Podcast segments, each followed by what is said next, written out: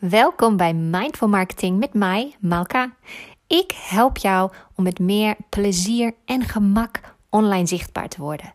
Dit is de allerleukste podcast rondom mindful marketing en ondernemerschap.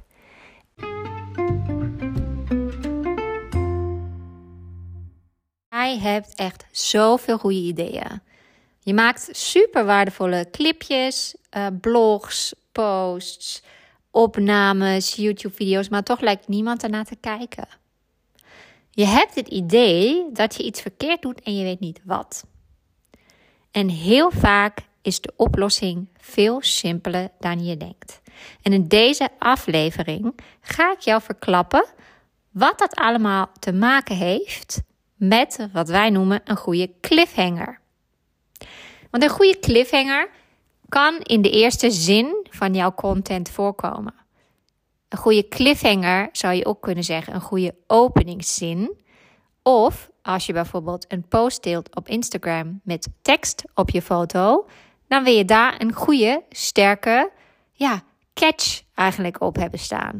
En dat is wat bij de meeste mensen helemaal verkeerd gaat.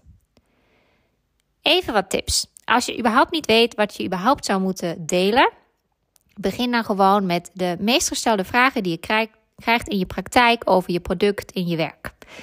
Jij wilt namelijk altijd alles maken uit het zicht van jouw ideale klant of doelgroep. Dat betekent, wat zou iemand willen weten die jouw product wil kopen? Stel dat je hele mooie haarklimmetjes maakt. Wat is datgene wat iemand dan wil weten? Die wil waarschijnlijk weten wat hij daarmee kan doen, hoe die dat kan gebruiken, bijvoorbeeld ehm, om een bepaald soort vlechtje vast te maken. Of in wat voor haar dat werkt. Hè? Werkt het bij krullen? Werkt het ook bij heel uh, stijl haar? Met welke kleuren dat goed combineert? Met welke haarkleur je welke kleurpin gebruikt? Enzovoort. Die wil in eerste instantie waarschijnlijk niet weten waarom het een ergonomisch slim modelletje is of zo. Hetzelfde geldt eigenlijk ook voor stel je maakt hele bijzondere pindakaas. Diegene wil misschien in eerste instantie helemaal niet weten waarom jij zo graag pindakaas wilde maken in je leven. Maar diegene wil eigenlijk gewoon een leuk recept waarin jouw pindakaas is verwerkt. Of drie goede snacks met pindakaas die je nog niet kende. En ga zo maar door. En de reden hiervoor is dat wij altijd willen weten wat er voor ons in zit, wat wij er zelf uit kunnen halen. Het interesseert me in eerste instantie niet zo wat jouw missie is. En daarom werken ook posts en reels niet, die altijd als introductiezin of als cliffhanger, zoals ik dat dan noem, iets hebben wat heel erg bedacht is vanuit de persoon die het aanbiedt. Yoga en de bekkenbodem een ingewikkeld verhaal. Nou, hier lees ik echt niet verder. Als je reel bijvoorbeeld begint met oeh, mama kan niet op de trampo, dan lees ik wel of luister ik wel verder. Of kijk ik verder. In dit geval kijk ik verder, want het is een reel. Dus een videoclipje. Maar goed, je moet het dus altijd zo formuleren dat het eigenlijk het antwoord is op een vraag die jouw klant zou kunnen hebben of jouw cliënt. Als iemand bijvoorbeeld, uh, dat is mij onlangs nog gebeurd, voor het eerste yogales binnenloopt en tegen me zegt: Oh, oh, oh, moet je je schoenen uit? Dan is dat iets wat ik heel logisch vind. Maar ja, diegene dus kennelijk niet. Diegene die het voor het eerst komt, die heeft geen idee. Dat kan ik omdraaien en daar kan ik dan als eigenlijk cliffhanger of opening sketch gebruiken met waarom doen we eigenlijk de schoenen uit in de yogales?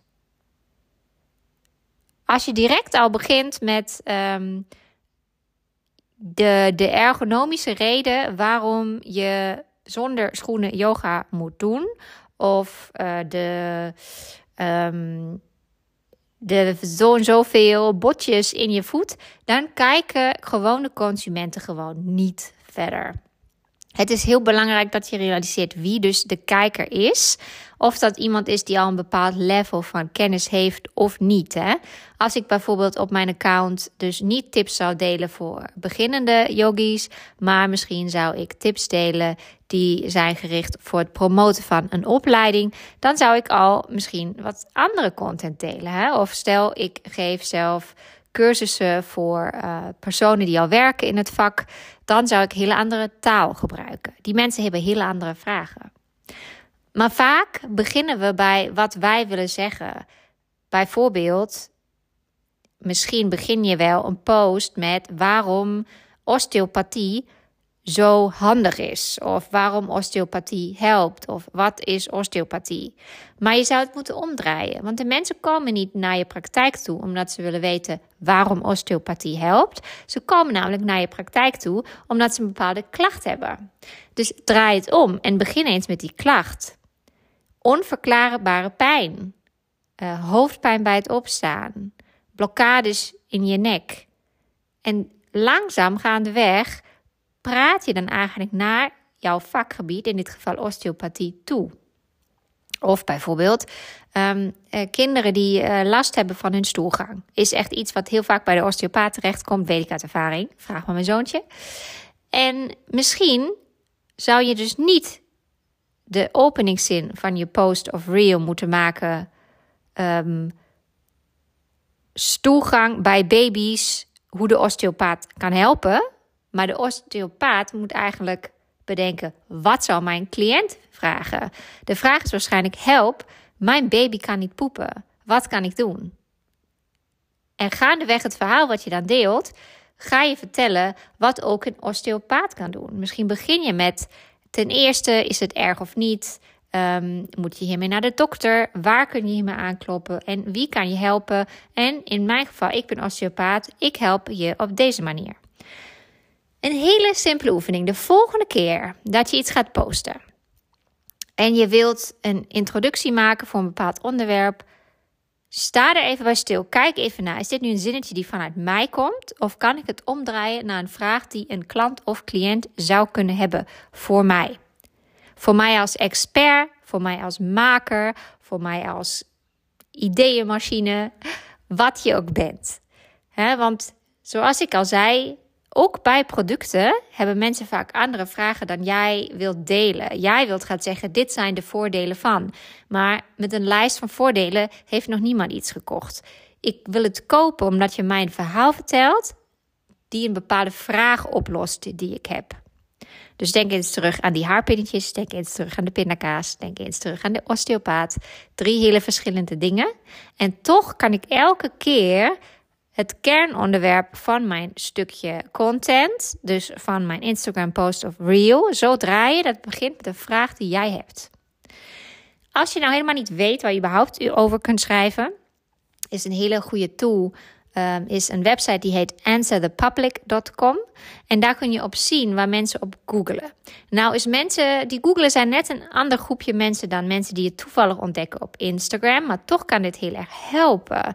Want je zult vaak versteld staan wat mensen op Google zoeken. Als ik zoek op Instagram in Nederland, in het Nederlands, dus wat googelen mensen dan met het woordje Instagram, kom ik echt allemaal dingen tegen waarvan ik denk dat jullie dat allemaal al lang weten. Bijvoorbeeld, waarom Instagram Stories? Waarvoor zijn Instagram Reels? Instagram voor bedrijven, ja of nee? En ook, wat is de beste tijd om te posten op Instagram?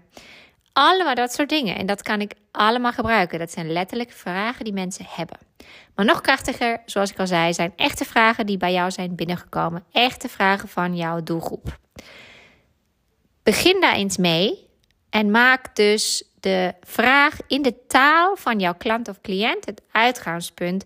En begin niet met opsommen wat jij graag wilt vertellen. En je zult zien dat mensen hier heel anders op reageren. Dat ze bijvoorbeeld ook je reel afkijken. Dat ze een comment achterlaten. Dat ze je een DM sturen. Dat ze een like geven. Dat ze kortom je content echt opnemen en niet zomaar laten langsvloepen op het social media screen.